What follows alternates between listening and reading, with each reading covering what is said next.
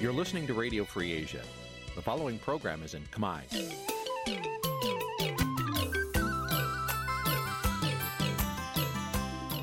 Nǐ ជាកម្មវិធីផ្សាយ Vuthu Azizi Serai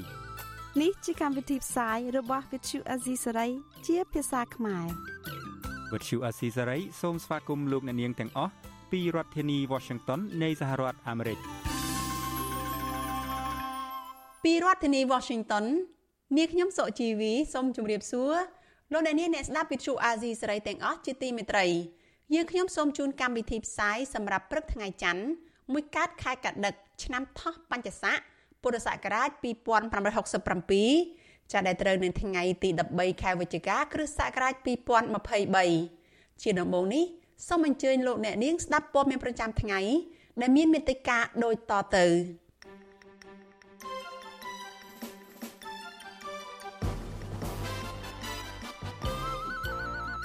អ្នកវិភាគថាលោករងឈុនប្រើនយោបាយវៃឆ្លាតក្នុងការមិនទទួលយកតួនាទីជាប្រធានគណៈបកកម្លាំងជាតិបន្ទាប់ពីមានការព្រមានពីក្រសួងមហាផ្ទៃ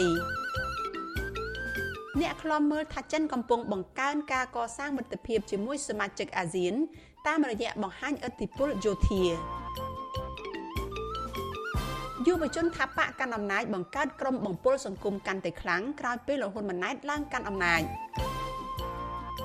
យុវជនចលនាមេដាធម្មជាតិទទូចរដ្ឋាភិបាលបញ្ឈប់ការបូមខ្សាច់នៅតំបន់កោះកាពិខេត្តកោះកុងរួមនឹងព័ត៌មានសំខាន់សំខាន់មួយចំនួនទៀតចាជាបន្តទៅទៀតនេះនាងខ្ញុំសុជីវីសូមជូនព័ត៌មានទាំងនេះពិស្ដា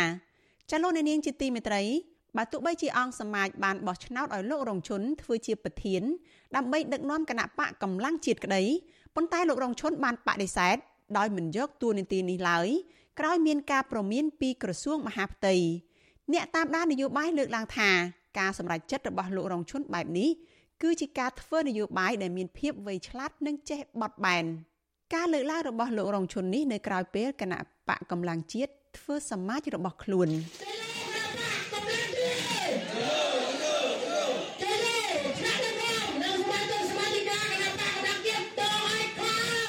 សមាជលើកដំបូងរបស់គណៈបកកម្លាំងជាតិធ្វើឡើងនៅភូមិក្រចាប់ក្រុងស្ទឹងសែនខេត្តកំពង់ធំ នៅថ្ងៃទី12ខែវិច្ឆិកាដោយមានអ្នកចូលរួមប្រមាណ1500នាក់ដែលភាគច្រើននៃអ្នកចូលរួមទាំងនេះគឺជាសមាជិកក្រុមប្រឹក្សាឃុំសង្កាត់របស់គណៈបកភ្លើងទៀនក្រៅពីអនុម័តលក្ខន្តិកៈរបស់គណៈបកដែលមាន10ជំពូកចែកចេញជា57មាត្រារួចមក អង្គសមាជគណៈបកកម្លាំងជាតិបានបោះឆ្នោតជ្រើសតាំងថ្នាក់ដឹកនាំគណៈបកផងដែរថ្នាក់ដឹកនាំដែលអង្គសមាជជ្រើសរើសទាំងនោះរួមមាន គណៈកម្មាធិការនយោបាយគណៈបកគណៈកម្មាធិការអចិន្ត្រៃយ៍និងគណៈកម្មាធិការប្រតិបត្តិព្រមទាំងគណៈកម្មាធិការវិន័យបន្ថែមពីនេះអង្គសមាជក៏បានកំណត់ទិសដៅការងារឆ្ពោះទៅចូលរួមការបោះឆ្នោតព្រឹទ្ធសភានិងការបោះឆ្នោតជ្រើសតាំងក្រុមប្រឹក្សាខេត្តក្រុងស្រុកខណ្ឌនៅក្នុងឆ្នាំ2024ផងដែរទោះបីជាអង្គសមាជសម្រាប់បោះឆ្នោតជ្រើសតាំងលោករងឈុនជាថ្នាក់ដឹកនាំកម្ពុជាគណៈបកយ៉ាងណាក្តីប៉ុន្តែអតីតអនុប្រធានគណៈបកភ្លើងទៀនដែលទើបតែលាលែងពីតំណែងរូបនេះ សម្រាប់បដិសេធមិនទទួលយកតំណែងជាប្រធានគណៈបកកម្លាំងជាតិនេះលោករងឈុនប្រាប់វិទ្យុអាស៊ីសេរីថាការថយក្រោយមួយចំហៀននេះធ្វើឡើងដើម្បីធានាពីដំណើរការគណៈបកកម្លាំងជាតិចូលរួមប្រកួតប្រជែងនយោបាយនៅពេលខាងមុខដោយសារតែខ្ញុំមើលឃើញថាមិនចង់ឲ្យមានផលប៉ះពាល់ ដល់គណៈបកដែលយើងខិតខំបង្កើតហើយបែរជាយើងបាត់ទៅវិញអានឹងវាជាបញ្ហាមួយអត់ធ្ងន់ធ្ងរដូច្នេះខ្ញុំសូមថយក្រោយមួយជំហានដើម្បីរក្សាបកបន្តដំណើរទៅមុខមានន័យថាបន្តដំណើរពីគណៈបកភ្លើងទៀនឆ្ពោះទៅគោលដៅដែលពលរដ្ឋចង់បានទាំងអស់គ្នា ទោះជាយ៉ាងណាលោកអះអាងថាការប្រមានរបស់ក្រសួងមហាផ្ទៃមិនអោយលោកចូលរួមជីវភាពនយោបាយជាមួយនឹងគណៈបកកម្លាំងជាតិឆ្លុះបញ្ចាំងពីភាពភ័យខ្លាចឥទ្ធិពលរបស់គណៈបកកម្លាំងជាតិក្នុងការចូលរួមប្រកួតប្រជែងនយោបាយក្នុងនាមខ្ញុំទីប្រឹក្សាឲ្យគណៈបកស្បីទៅប៉ុតតែមិនមានសិទ្ធិបោះឆ្នោតតែខ្ញុំមានសិទ្ធិសម្របសម្រួលធ្វើមិនគំនិតតែខ្ញុំដាក់ទៅនឹង ស្វែងរកការគ្រប់គ្រងដើម្បីបំរើប្រជាពលរដ្ឋទាំងអស់គ្នាបងប្អូនពួកយើងទាំងអស់គ្នាបញ្ញាដើរតាមទំនុករបស់លោកគ្រូរំខាន វិទ្យុអាស៊ីសេរីមិនអាចតាក់ទងแนะនាំពាក្យគណៈបកកណ្ដាលអំណាចលោកសុកអេសានដើម្បីសុំបកស្រាយជុំវិញបញ្ហានេះបាននៅឡើយទេកាលពីថ្ងៃទី12ខែវិច្ឆិកាក្រោយពីបានសម្រាក15នាទីដោយសារតែការបដិសេធរបស់លោករងឈុន អង្គសមាជបានសម្រេចជ្រើសតាំងអតីតមន្ត្រីជាន់ខ្ពស់គណៈបកភ្លឹងទៀនលោកសុនចន្ទធី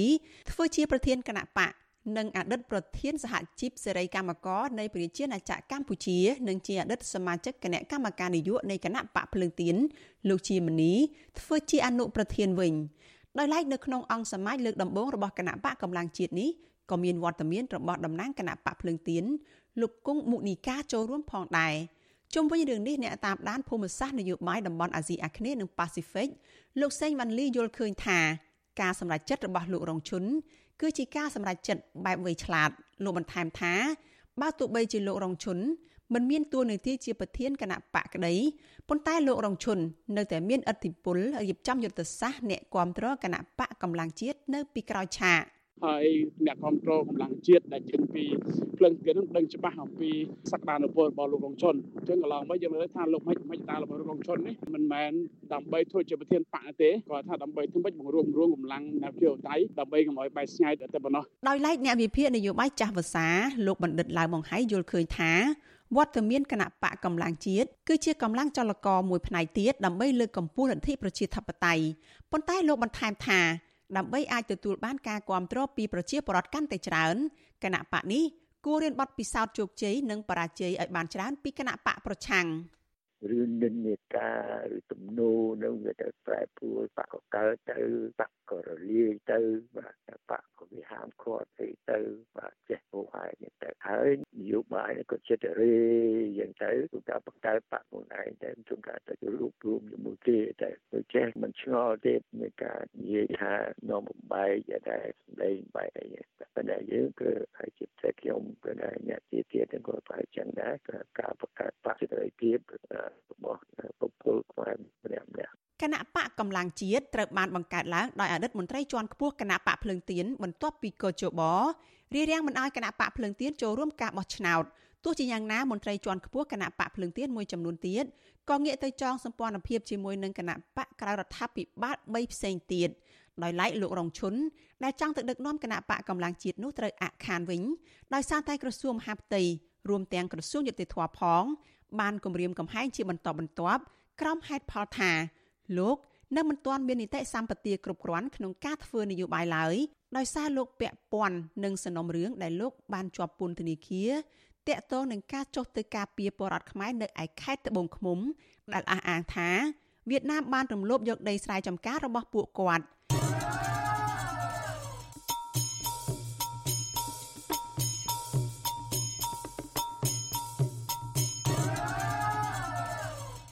លោកនាងជាទីមេត្រីជាព័ត៌មានតកតនឹងបកកាន់អំណាចបង្កើតក្រុមបំពុលសង្គមវិញម្ដងចាយុវជនអះអាងថាគណៈបកកាន់អំណាចកំពុងពង្រឹងក្រុមវាយប្រហារនៅលើបណ្ដាញសង្គមកាន់តែខ្លាំងដើម្បីបំពុលសង្គមនិងគម្រាមកំហែងអ្នករិះគន់រដ្ឋាភិបាលក្រោយពេលលហ៊ុនម៉ាណែតឡើងកាន់អំណាចពួកគាត់យល់ថាការបង្កើតក្រុមព័ត៌មានបំពុលសង្គមនេះមិនមែនជាដំណោះស្រាយល្អសម្រាប់សង្គមនិងជាការប្រកួតប្រជែងដោយតម្លាភាពនិងយុត្តិធម៌នោះទេ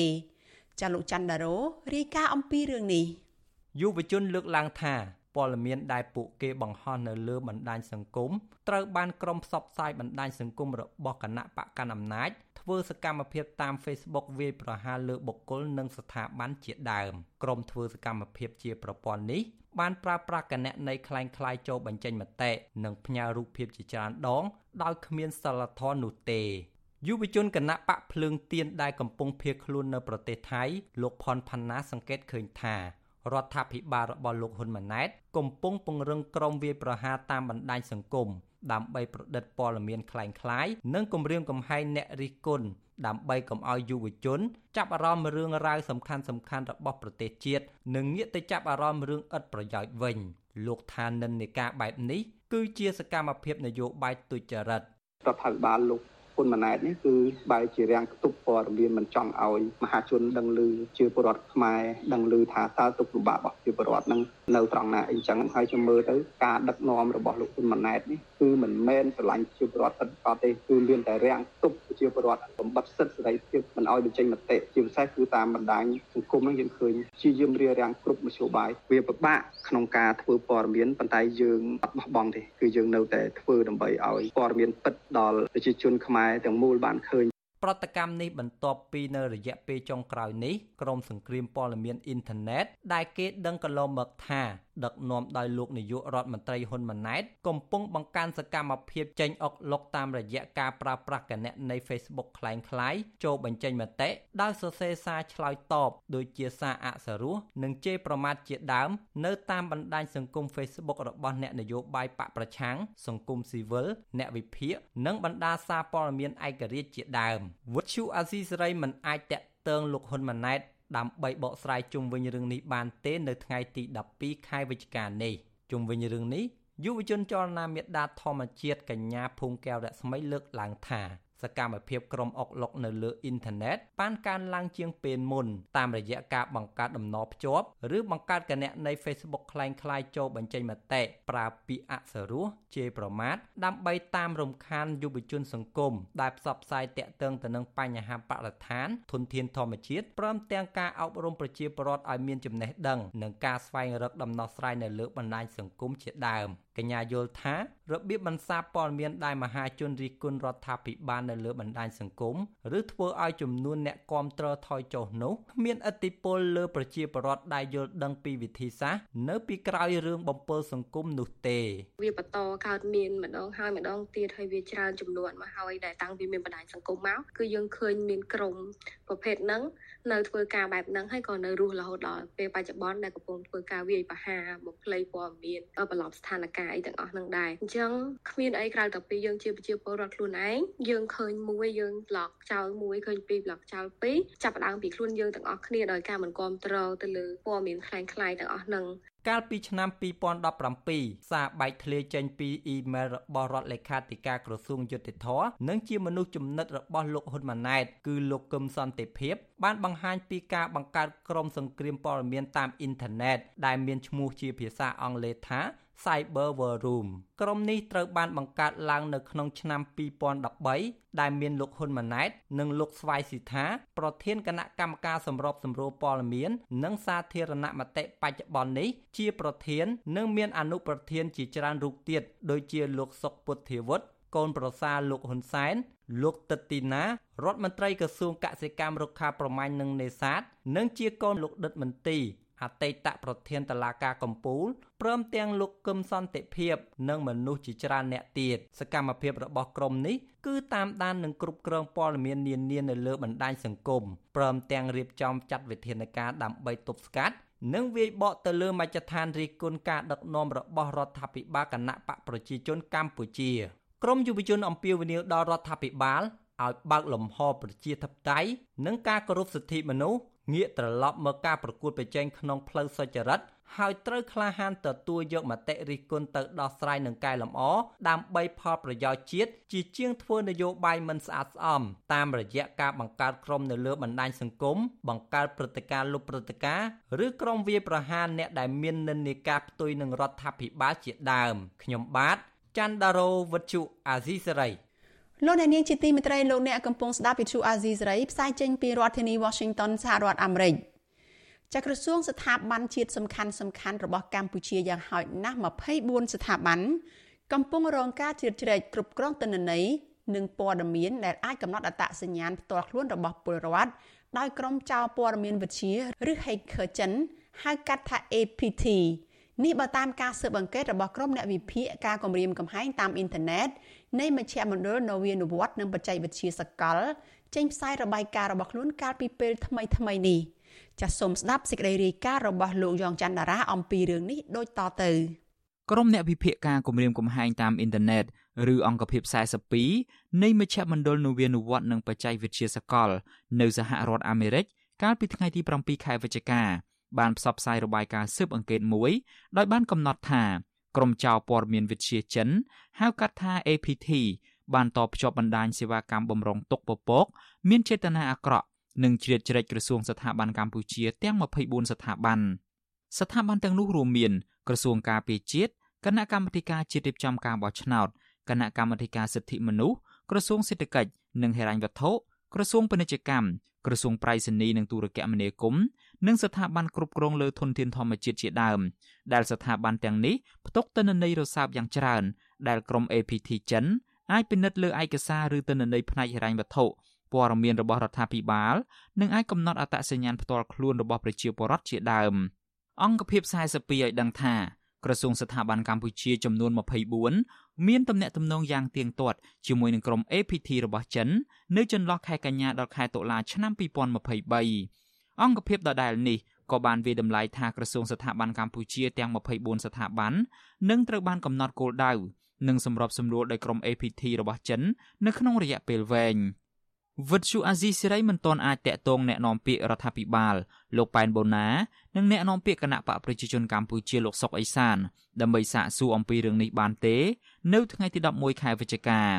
ក៏ប៉ុន្តែកន្លងទៅជារឿយៗភាគីចិននិងកម្ពុជា តែងឯកភាពគ្នាដោយអះអាងថានឹងបន្តរឹតចំណងមិត្តភាពដៃថែតគ្រប់កលៈទេសៈដោយឈរទៅលើភាពស្មោះត្រង់និងមិនជឿចែកកិច្ចការផ្ទៃក្នុងគ្នាទៅវិញទៅមកអ្នកខ្លំមើលជាតិនិងអន្តរជាតិយល់ថាក្រុមព័ត៌មានវិទ្យាឬ hacker របស់ចិន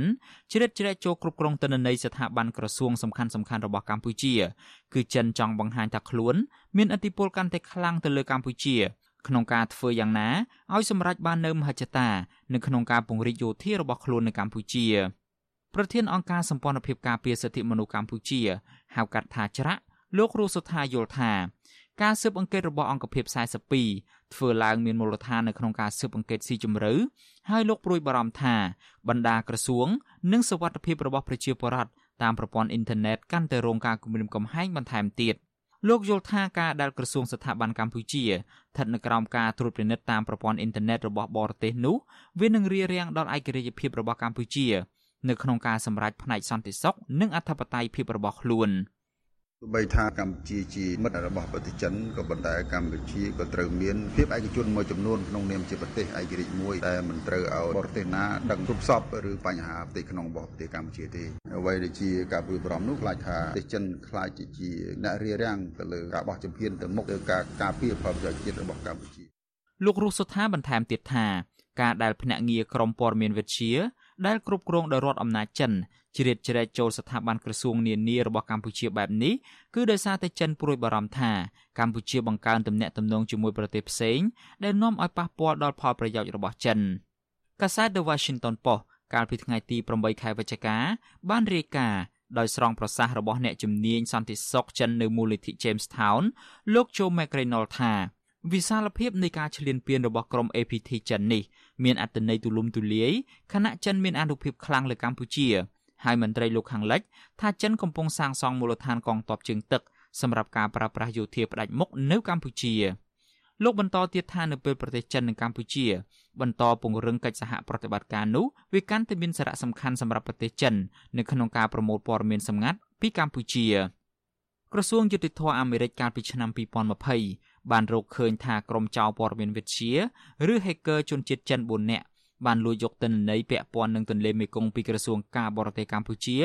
នៅមុនកិច្ចប្រជុំកំពូលមេគង្គឡានឆាង កាលពីដើមឆ្នាំ2018ក្រៅពីនេះការស៊ើបអង្កេតផ្ទៃក្នុងមួយរបស់ក្រុមហ៊ុន Facebook កាលពីឆ្នាំ2021រកឃើញថាក្រុមចៅព័ត៌មានវិទ្យាឬ hacker ដែលសង្ស័យជារួមថាមានជាប់ពាក់ព័ន្ធជាមួយនឹងភ្នាក់ងារស៊ើបការសម្ងាត់របស់រដ្ឋចិន បានវាយប្រហារជាប្រចាំនិងយូរអង្វែងទៅលើក្រុមមន្ត្រីនៃគណៈបកសង្គ្រោះជាតិ ខ្ញុំយ៉ងច័ន្ទដារាវិទ្យុអាស៊ីសេរី Washington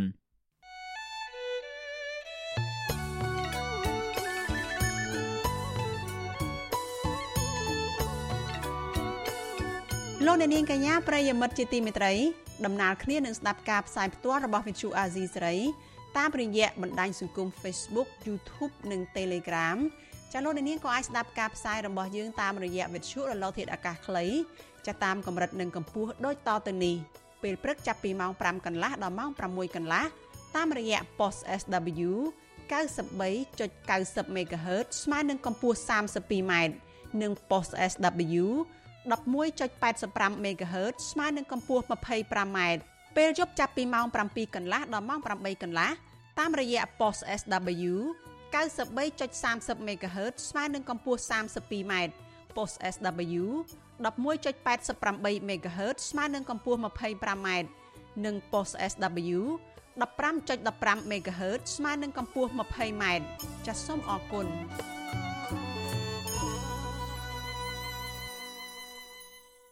លោកអ្នកនាងកញ្ញាប្រិយមិត្តអ្នកស្ដាប់ជាទីមេត្រីចាសសេចក្តីរាយការណ៍ពីប្រទេសស៊ុយអែតឯណោះឲ្យដឹងថា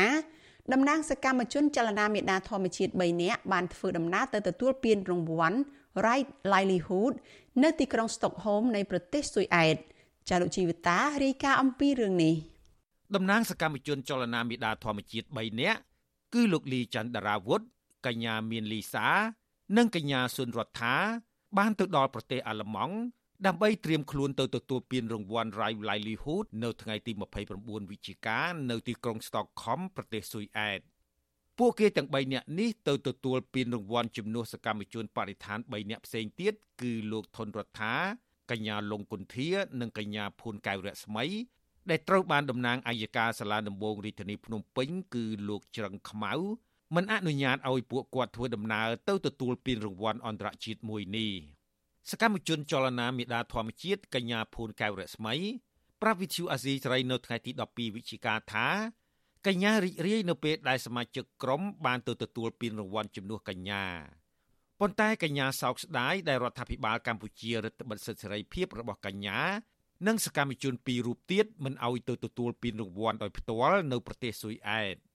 ប៉ុន្តែអីដែលយើងមើលឃើញនេះគឺរដ្ឋាភិបាលកម្ពុជាក៏ព្យាយាមមើលមិនឃើញមិនខ្វល់ហើយនឹងមិនយកចិត្តទុកដាក់ទៅលើបញ្ហាទាំងអស់ហ្នឹងគាត់នៅតែបន្តនៅតែប្រកាន់គោលចំហបែបរដ្ឋបិទសិទ្ធិសេរីភាពមិនបើកលំហសិទ្ធិសេរីភាពហើយនឹងធ្វើយ៉ាងណាប្រើវិធីសាស្ត្របែបគម្រាមកំហែងបង្ខំឬមួយក៏គេហៅថាវិធីសាស្ត្រក្តៅដែលដូចជាចាប់ពួកយើងដាក់ពន្ធនាគារដាក់បទទោសដាក់បទចោទធ្ងន់ធ្ងរមកលើពួកយើងដើម្បីឲ្យពួកយើងឈប់ធ្វើការទៅវិញ អង្គការ Right Livelihood បានតម្រូវឲ្យសកម្មជនចលនាមេដាធម្មជាតិ3នាក់គឺកញ្ញាភួនកៅរស្មីកញ្ញាលងគុន្ធា និងលោកថនរដ្ឋាតំណាងឲ្យចលនាមេដាធម្មជាតិធ្វើដំណើរទៅទទួលពានរង្វាន់អន្តរជាតិមួយនេះនៅទីក្រុង Stockholm ប្រទេសស៊ុយអែតដោយត្រូវធ្វើដំណើរចាប់ពីថ្ងៃទី24វិច្ឆិកានិងត្រឡប់មកកម្ពុជាវិញនៅថ្ងៃទី1ខែធ្នូឆ្នាំ2023ប៉ុន្តែដោយសារតុលាការក្រុងភ្នំពេញមិនអនុញ្ញាត ទើបលោកលីចន្ទរាវុធកញ្ញាមានលីសា និងកញ្ញាសុនរដ្ឋាទៅទទួលពានរង្វាន់នេះជំនួសវិញថ្លែងពីក្រៅប្រទេសមក សកម្មជនចលនាមេដាធម្មជាតិកញ្ញាមានលីសា ប្រាប់វិទ្យុអាស៊ីសេរីថាកញ្ញាបានជួបជាមួយតំណាងរដ្ឋសភាអាល្លឺម៉ង់តំណាងអង្គការសហប្រជាជាតិប្រចាំប្រទេសអាល្លឺម៉ង់អ្នកស្រី Christian Eicol និងសកម្មជនមួយចំនួនទៀតនៅប្រទេសអាល្លឺម៉ង់កញ្ញាបន្តថាក្នុងជំនួបនោះ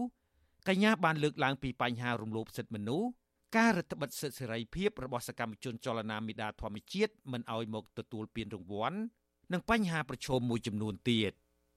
ហើយគេក៏រីករាយហើយជាចំនួនដែលយើងអាចទទួលស្គាល់ថាល្អមែនតើដែលសភានៅអាឡម៉ង់ហ្នឹងអាចទទួលស្ដាប់នៅសំឡេងរបស់យើងពីបញ្ហាដែលយើងបានជួបនឹងតម្លៃនៃការងារដែលពួកយើងបានធ្វើនិងកំពុងតែធ្វើហ្នឹងណាបងអាចំនួនហ្នឹងគឺជាចំនួនដែលគេអាចដាក់សម្ពាធទៅលើរដ្ឋាភិបាលខ្មែរឲ្យមានការទទួលខុសត្រូវឡើងវិញជាមួយនឹងការគោរពសិទ្ធិមនុស្សនិងមានការបើកចំហការទទួលស្គាល់ក្រុមរបស់ពួកយើង កញ្ញាមានលីសាបន្ថែមថាកញ្ញានិងសមាជិកពីររូបទៀតនៅថ្ងៃដដែលនេះនឹងធ្វើដំណើរទៅទីក្រុងស៊ឺណែវប្រទេសស្វីសជួបជាមួយមន្ត្រីតំណាងនៅទីនោះដើម្បីបង្ហាញពីក្តីកង្វល់ជុំវិញការរំលោភសិទ្ធិមនុស្សនៅកម្ពុជា ហើយចុងក្រោយនឹងទៅទទួលពានរង្វាន់ Rai Livelihood នៅប្រទេសស៊ុយអែត With you Aziz Rai មិនអាចតាក់ទងអ្នកណែនាំពាក្យក្រសួងយុតិធធម៌លោកជិនម៉ាលីននិងអ្នកណែនាំពាក្យរដ្ឋាភិបាលលោកប៉ែនបូណា ដើម្បីសូមការបកស្រាយជុំវិញបញ្ហានេះបានទេ នៅថ្ងៃទី12វិច្ឆិកាជុំវិញបញ្ហានេះដែរប្រធានសមាគមការពារសិទ្ធិមនុស្សអាត6លោកនីសុខា មានប្រសាសន៍ថាលោកសាទរចំពោះការតស៊ូរបស់ក្រមយុវជន រហូតទទួលបានពានរង្វាន់អន្តរជាតិប៉ុន្តែលោកខកចិត្តដែលរដ្ឋាភិបាលមិនអនុញ្ញាតឲ្យសកម្មជន3នាក់ដែលមានឈ្មោះទៅទទួលពានរង្វាន់ដោយផ្ទាល់ ប៉ុន្តែយើងគួរឲ្យសោកស្ដាយដោយសារតែតុលាការមិនបានអនុញ្ញាតឲ្យគាត់ចេញទៅក្រៅណាតាមរយៈការស្នើសុំរបស់គាត់ហើយបើតាមខ្ញុំដឹងដូចជាមានការស្នើអន្តរាគមន៍ពីក្រសួងយុទ្ធភ័ពដែរប៉ុន្តែហាក់បីដូចជាអត់មានជាលទ្ធផលជាវិជ្ជមានអញ្ចឹងនេះជាចំណុចមួយយើងគួរឲ្យមានការសោកស្ដាយដែរហើយតកតទៅនឹងបញ្ហានេះយើងមើលឃើញថាតុលាការនៅតែព្យាយាមនៅក្នុងការក្បិតនៅសេរីភាពរបស់ពួកគាត់ នេះគឺជាលើកទី1ហើយដែលគណៈកម្មាធិការជ្រើសរើសអ្នកទទួលពានរង្វាន់អង្គការ Rai Livelihood មកពីប្រទេសចំនួន76ប្រទេសនិង143ចិញ្ចៀតបានផ្ដល់ពានរង្វាន់ Rai Livelihood ដែលមានតម្លៃប្រហាក់ប្រហែលនឹងពានរង្វាន់ Nobel សន្តិភាពទៅឲ្យសកម្មជនចលនាមេដាធម្មជាតិកាលពីថ្ងៃទី29ខែកញ្ញាកន្លងទៅចំពោះវីរភាពដ៏ក្លាហានរបស់ពួកគេ និងការលើកកម្ពស់សិទ្ធិមនុស្សនៅកម្ពុជា បើទោះបីជាពួកគេប្រឈមនឹងការបង្ក្រាបជាបន្តបន្ទាប់ពីសំណាក់រដ្ឋាភិបាលកម្ពុជាយ៉ាងណាក្តីខ្ញុំជីវិតាអាស៊ីសេរីលោកអ្នកនាងកំពុងស្ដាប់វិទ្យុអាស៊ីសេរីជាទីមេត្រីអ្នកខ្លំមើលលើកឡើងថាកម្ពុជាគឺជាចំណុចស្នូលក្នុងការទាញឲ្យអាស៊ានធ្លាក់ចូលអន្ទាក់ភូមិសាស្ត្រនយោបាយបំរើមហិច្ឆតាដល់ការពង្រីកឥទ្ធិពលផ្នែកយោធារបស់ចិនក្នុងតំបន់ ការលើកឡើងនេះស្របពេលដែលកងទ័ពពិសេសកម្ពុជា រួមទាំងកងទ័ពសមាជិកអាស៊ានចំនួន4ប្រទេសផ្សេងទៀតចូលរួមធ្វើសម្ពយុទ្ធនៅប្រទេសចិនដែលមានរយៈពេល10ថ្ងៃជាមួយនឹងកងទ័ពរំដោះប្រជាជនចិនចាលោកនៅវណ្ណរិនរាយការណ៍អំពីរឿងនេះកងទ័ពរំដោះប្រជាជនចិនកំពុងរៀបចំធ្វើសមយុទ្ធយោធា ជាមួយប្រទេសអាស៊ានចំនួន5ក្នុងនោះមានកម្ពុជាវៀតណាមឡាវម៉ាឡេស៊ីនិងប្រទេសថៃ អ្នកអត្ថាធិប្បាយនយោបាយលោកកឹមសុខពិនិត្យឃើញថាប្រទេសចិនកុម្មុយនីសកំពុងគាំទ្រនិងបង្កើតទំនាក់ទំនងជាមួយសមាជិកអាស៊ានមួយចំនួនដោយយកកម្ពុជាធ្វើជាស្នូលក្នុងការបង្ហាញឥទ្ធិពលយោធារបស់ខ្លួននៅក្នុងតំបន់លោកបន្ថែមថាប្រទេសអាស៊ាននឹងប្រឈមភាពតានតឹងផ្នែកនយោបាយដោយសារតែសមាជិកខ្លះពុំមានជំហរនយោបាយឯករាជ្យ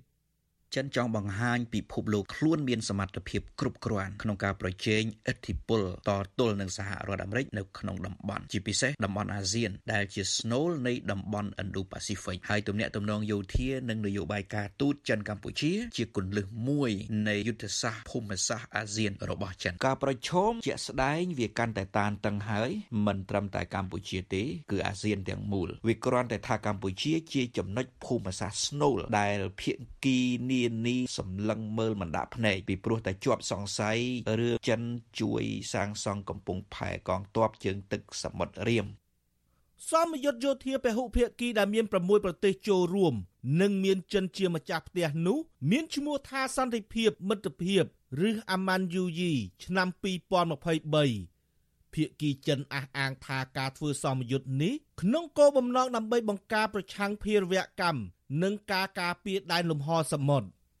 ក្រសួងការពារជាតិកម្ពុជាឲ្យដឹងក្នុងទំព័រ Facebook កាលពីថ្ងៃទី11ខែវិច្ឆិកាថាក្រសួងបានបញ្ជូនកងកម្លាំងពិសេសនៃកងយុទ្ធពលខេមរៈភូមិន្ទជិត100នាក់រួមទាំងសម្ភារៈយោធាមួយចំនួន ទៅកាន់ប្រទេសចិនកងទ័ពរំដោះប្រជាជនចិន និងកងទ័ពនៃសមាជិកអាស៊ានចំនួន5នឹងចាប់ផ្ដើមធ្វើសមយុទ្ធយោធារួមគ្នា នៅតំបន់លំហសមុទ្រស្ថិតនៅក្នុងក្រុងសិនជាងភាគខាងត្បូងនៃប្រទេសចិនចាប់ពីថ្ងៃទី13ខែវិច្ឆិកាដល់ថ្ងៃទី22ខែវិច្ឆិកាប្រទេសចិនកុម្មុយនីសបានចាប់ផ្ដើមរៀបចំសមយុទ្ធយោធាសន្តិភាពមិត្តភាពចាប់តាំងពីឆ្នាំ2014ដោយមានភាគីនៃប្រទេសម៉ាឡេស៊ីចូលរួមក្នុងក្របខ័ណ្ឌការទូតហើយការធ្វើសមយុទ្ធប្រចាំឆ្នាំ2023នេះមានប្រទេសដំបូងគេដែលចូលរួមសមយុទ្ធរួមមានកម្ពុជាវៀតណាម និងឡាវកាសែតនៃរដ្ឋអំណាចចិនរាយការណ៍នៅថ្ងៃទី14វិច្ឆិកាថាសមយុទ្ធយោធារួមគ្នានេះភាគីចិនធ្វើឡើងដើម្បីពង្រឹងទំនុកចិត្តដល់គ្នាទៅវិញទៅមកជាមួយប្រទេសអាស៊ាន និងបង្កើនសមត្ថភាពឆ្លើយតបខណៈភាពតានតឹងកាន់តែខ្លាំងឡើងនៅចំនួនសមុទ្រចិនខាងត្បូង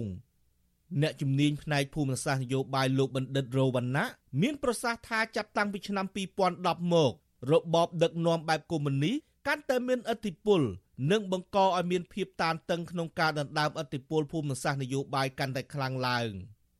លោកបន្តថាកត្តានេះជាផ្នែកមួយដែលនាំឲ្យប្រទេសអាស៊ានមួយចំនួនបែកបាក់ឯកភាពគ្នាត្បិតសមាជិកខ្លះបានចាប់យកប្រទេសចិនធ្វើជាខ្នងបង្អែកនិងជាធ្នូនៃផលប្រយោជន៍នយោបាយសេដ្ឋកិច្ចនិងសមាជិកខ្លះទៀតបានបង្កើនកិច្ចសហប្រតិបត្តិការជាមួយប្រទេសលោកសេរីដើម្បីជួយគាំទ្រផ្នែកការពារដែនអធិបតេយ្យរបស់ខ្លួន។ ចិនមានបំណងបង្កើនដែនឥទ្ធិពលតំបន់គឺមានន័យថាអាស៊ីដែលមានចិនជាស្នូហើយទាត់អាមេរិកចេញដោយតែស៊ីជីនពីងក៏ធ្លាប់លើកឡើងកាលពីឆ្នាំ2014ថាទុកឲ្យពលរដ្ឋអាស៊ីចាត់ចែងកិច្ចការអាស៊ីដោះស្រាយបញ្ហាអាស៊ីនិងរក្សាសន្តិសុខអាស៊ីលោកជីលើកឡើងពីការបង្កើតសហគមន៍នៃជោគវាសនារួមសកលមួយដែលវិវត្តក្រោមឋានសួគ៌នៃគ្រួសារមួយដែលមានចិនជាឪពុកទោះយ៉ាងណាបណ្ឌិតរវណ្ណៈព្រួយបារម្ភថាកម្ពុជាជាប្រទេសក្រីក្រ ប្រសិនបើបន្តផ្ដេកផ្ដួលតាមរយៈកិច្ចសហប្រតិបត្តិការជាមួយចិនខ្លាំងពេកនោះកម្ពុជាអាចជាប្រទេសមួយធ្លាក់ចូលទៅក្នុងអន្ទាក់ភូមិសាស្ត្រនយោបាយបំរើមហិច្ឆតាឲ្យចិនទៅវិញលើសពីនេះទៀតលោកថាកម្ពុជាក៏ងាយនឹងទទួលឥទ្ធិពលពីចិនឬការគ្រប់គ្រងដឹកនាំរដ្ឋបែបសម័យថ្មី ដែលប្រឆាចពីគន្លងប្រជាធិបតេយ្យមុនពេលកម្ពុជាចូលរួមធ្វើសម្ពយុទ្ធយោធានៅក្នុងប្រទេសចិននេះកម្ពុជានិងចិន បានធ្វើសមយុទ្ធយោធារួមគ្នាចំនួន2លើករួចមកហើយនៅក្នុងឆ្នាំ2023ក៏ប៉ុន្តែកម្ពុជា បានបដិសេធចូលរួមធ្វើសមយុទ្ធយោធារួមគ្នាជាមួយក្រុមប្រទេសអាស៊ានលើកដំបូងនៅតំបន់សមុទ្រចិនខាងត្បូងដែលរៀបចំដោយប្រទេសឥណ្ឌូនេស៊ីទោះយ៉ាងណា អ្នកខ្លាំមើលមិនរំពឹងថាទ័ពកម្ពុជានឹងទទួលបានសមត្ថភាពពេញលេញពីការធ្វើសមយុទ្ធយោធាជាមួយចិននោះទេ ពួកគេថាការដែលចិននិងកម្ពុជារួមគ្នាបង្កើនសកម្មភាពធ្វើសមយុទ្ធរួមគ្នានេះភាគីទាំងពីរអាចនឹងមានកិច្ចពិភាក្សាផ្ទៃក្នុងដោយសម្ងាត់ដើម្បីសម្រួលឲ្យចិន បង្ហាញអធិបុលយោធារបស់ខ្លួននៅមុនការបិទបញ្ចប់ការកសាងមូលដ្ឋានកងទ័ពសមុទ្ររៀមក្នុងចុងខែវិច្ឆិកាដែលមន្ត្រីយោធាលោកខាងលិចថាប្រទេសចិនកំពុងប្រើប្រាស់មូលដ្ឋានកងទ័ពសមុទ្រនេះសម្រាប់បម្រើឲ្យផលប្រយោជន៍យោធារបស់ខ្លួនផ្ដាច់មុខទៅវិញ។ ខ្ញុំបាទនៅវណ្ណរិន With Chu Azizi Saray ពីរដ្ឋធានី Washington លោកអ្នកនាងប្រិយមិត្តអ្នកស្ដាប់ជាទីមេត្រីលោកអ្នកកំពុងស្ដាប់វិទ្យុអាស៊ីសេរីផ្សាយចេញពីរដ្ឋធានី Washington សហរដ្ឋអាមេរិកយុវជនចលនាមេដាធម្មជាតិទទូចរដ្ឋាភិបាលបញ្ឈប់ការបូមខ្សាច់នៅតំបន់កោះកាពិខេត្តកោះកុងមន្ត្រីអង្គការសង្គមស៊ីវិលបារម្ភថា ការបូមខ្សាច់ជាថ្មីម្ដងទៀតនេះ ប៉ះពាល់ដល់បរិស្ថាន និងការរស់នៅរបស់ប្រជាពលរដ្ឋនៅក្នុងតំបន់ចាលោកជាតិចំណានរាយការណ៍ព័ត៌មាននេះជូនលោកអ្នកនាងដូចតទៅយុវជនចលនាមេដាធម្មជាតិរកឃើញការបូមនិងដឹកសាច់ចេញពីតំបន់កោះស្រឡៅឃុំកោះកាពីស្រុកកោះកុងខេត្តកោះកុងចាប់ផ្ដើមក៏ក្រើកឡើងវិញក្រោយពីស្ងប់ស្ងាត់មួយរយៈយុវជនចលនាមេដាធម្មជាតិកញ្ញាធួនស្រីពៅប្រាប់វិសុយស៊ីស្រីនៅថ្ងៃទី12ខែវិច្ឆិកាថាកាលពីថ្ងៃទី11ខែវិច្ឆិកា ជាថ្ងៃទី3ដែលមានសឡង់បានបូមខ្សាច់នៅកោះស្រឡៅកញ្ញាបន្តថាដំបងឡើយមានតែសឡង់មួយតែប៉ុណ្ណោះផ្ទុកសាច់ពេញហើយដឹកចេញពីកោះស្រឡៅបន្ទាប់មកសឡង់3ផ្សេងទៀតក៏មកតាមក្រោយកញ្ញាបន្តទៀតថាកញ្ញាបានសាកសួរទិសដៅសឡង់នេះពីអ្នកភូមិហើយអ្នកភូមិប្រាប់ថាសឡង់ទាំងនោះបានដឹកទៅចាក់នៅឆ្នេរកោះកុងក្រៅរបស់កញ្ញាលីយ៉ុងផាត់កញ្ញាបន្តថានៅតំបន់កោះស្រឡៅ មិនត្រឹមតែមានសកម្មភាពបូមសាច់បែបប៉ុណ្ណោះទេថែមទាំងមានការបំផ្លាញព្រៃកោងកាងផងដែរពួក អ្នកភូមិកោះសាឡាគេអត់ពេញចិត្តនឹងការបូមខ្សាច់ទេគេគេយល់ពីផលប៉ះពាល់នៃការបូមខ្សាច់ហ្នឹងក៏គេជាយាមនិយាយថាគេអត់ចង់មានអាការបូមខ្សាច់នឹងវិញទេហើយចវាយស្រុកក៏លើកឡើងថាការបូមខ្សាច់ហ្នឹងមានអាជ្ញាប័ណ្ណត្រឹមត្រូវមានអាជ្ញាប័ណ្ណត្រឹមត្រូវប៉ុន្តែការលើកឡើងរបស់អ្នកភូមិគឺគាត់ថាអាជ្ញាប័ណ្ណហ្នឹងគឺគេថាមានប៉ុន្តែអត់ទាន់ដល់ថ្ងៃដែលត្រូវមកបូមខ្សាច់ទេហើយតំបន់ដែលបូមហ្នឹងក៏ស្ថិតនៅក្នុងតំបន់រាមសាកោះកាពីដែលជាតំបន់ដែលយើងត្រូវការពារកញ្ញាធួនត្រីពៅបន្ថែមថានៅពេលដែលជួបអ្នកភូមិ ពួកគាត់ត្អូញត្អែថាសឡងបូមខ្សាច់បានលិចប្រេងបណ្ដាលឲ្យប៉ះពាល់ដល់ជីវៈចម្រុះនៅក្នុងទឹកនិងធ្លាក់ចុះនៅផលនេសាទកញ្ញាសោកស្ដាយចំពោះការប្រើលែអភិវឌ្ឍដើម្បីទាញយកផលចំណេញសម្រាប់មនុស្សមួយក្តាប់តូចប៉ុន្តែបង្កទុកសោករាប់មិនអស់ដល់ពលរដ្ឋក្នុងតំបន់អ្នកដឹកនាំថ្មីក្មេងខ្ចីរៀនសិស្សចប់បណ្ឌិតហើយខ្ញុំជឿថាកម្លាភាពនៃការដឹកនាំរបស់គាត់បញ្ញានៃការដឹកនាំរបស់គាត់គាត់នឹងមើលឃើញពីទឹកភ្នែករបស់រា វិសុវស៊ីសេរីនៅពុំអាចតាក់ទងអភិបាលខេត្តកោះកុងអ្នកស្រីមេតនាពូថងនិងអ្នកនាំពាក្យក្រសួងរាយនឹងធម្មពលលោកអឹងលីប៉ូឡាដើម្បីសុំការបកស្រាយបញ្ហានេះបាននៅឡើយទេនៅថ្ងៃទី12ខែវិច្ឆិកាអ្នកសម្របសម្រួលគម្រោងធុរកិច្ចនិងសិទ្ធិមនុស្សនៃមជ្ឈមណ្ឌលសិទ្ធិមនុស្សកម្ពុជាលោកបានសុផាតប្រាប់វិសុវស៊ីសេរីថាលោកព្រួយបារម្ភជាថ្មីទៀតដល់បរិស្ថានធនធានធម្មជាតិនិងការរស់នៅប្រចាំថ្ងៃរបស់ពលរដ្ឋក្នុងតំបន់ព្រោះមានសឡង់ចូលបងសាច់សាជាថ្មីនេះ ឲ្យរាជរដ្ឋាភិបាលថ្មីហ្នឹងពិនិត្យមើលសារជាថ្មីម្ដងទៀតហើយសូមមេត្តាបើសិនជាមានការថកល្វែងណាមួយដែលមិនបានពិនិត្យច្បាស់លាស់សូមឲ្យមានការផ្អាកជាមិនទាន់នៅការបូមខ្សាច់ពីព្រោះតើវាប៉ះពាល់ធ្ងន់ធ្ងរណាស់ដល់ទុនធានធម្មជាតិដល់បរិស្ថានក៏ដូចជាជីវភាពរស់នៅរបស់ប្រជាពលរដ្ឋបាទតំបន់កោះស្រឡៅនៃឃុំកោះកាពីស្រុកកោះកុងខេត្តកោះកុងជាកន្លែងដែលមានការបូមខ្សាច់ខ្នាតធំ រយៈពេលជាងច្រើនឆ្នាំមកហើយការធ្វើអាជីវកម្មខ្សាច់តាមប្រព័ន្ធស្ទឹងផ្នែកខាងលើ និងក្បែរតំបន់កោះស្រឡៅ បានកើតឡើងចាប់ពីឆ្នាំ2006និងបានបញ្ឈប់សកម្មភាពបូមខ្សាច់នៅចុងឆ្នាំ2016ក្រោយពីក្រសួងរាយនឹងធម្មពលបានចេញបំរាមផ្អាកការបូមខ្សាច់នៅខេត្តកោះកុងនិងការនាំចេញខ្សាច់ទៅក្រៅប្រទេសទាំងអស់ដោយគ្មានកំណត់រយៈពេលបំរាមនេះកើតមានឡើងក្រោយពីបណ្ដាអង្គការសង្គមស៊ីវិលនិងប្រព័ន្ធផ្សព្វផ្សាយបានរកឃើញខ្សាច់ជាង60លានតោនបានបាត់ពីប្រព័ន្ធទិន្នន័យរបស់រដ្ឋាភិបាលកម្ពុជានៃការនាំចេញខ្សាច់ទៅប្រទេសសិង្ហបុរីដែលគេបានប៉ាន់ស្មាន ថាវានាំឲ្យមានការបាត់ប្រាក់រាប់រយលានដុល្លារសហរដ្ឋអាមេរិកទោះជាយ៉ាងណាយុវជនមេដាធម្មជាតិនិងមន្ត្រីអង្គការសង្គមស៊ីវិលនៅតែស្នើយ៉ាងទទូចដល់រដ្ឋាភិបាលឲ្យបញ្ឈប់ការបូមខ្សាច់នៅកោះស្រឡៅក្បែរតំបន់ដែនជម្រកសត្វព្រៃពីមកសោបដើម្បីរក្សាសម្រស់ឆ្នេរខ្សាច់សក្បុសពីធម្មជាតិនិងជីវៈចម្រុះក្នុងទឹកខ្ញុំបាទជាចំណាន Visual Society ប្រធានាទី Washington លោកអ្នកនាងជាទីមេត្រីព័ត៌មានដាច់ដោយឡែកមួយទៀតចាក្រុមអង្គការសង្គមស៊ីវិលនិងអ្នកច្បាប់គាំទ្រចំណាត់ការរបស់តុលាការក្រុងភ្នំពេញ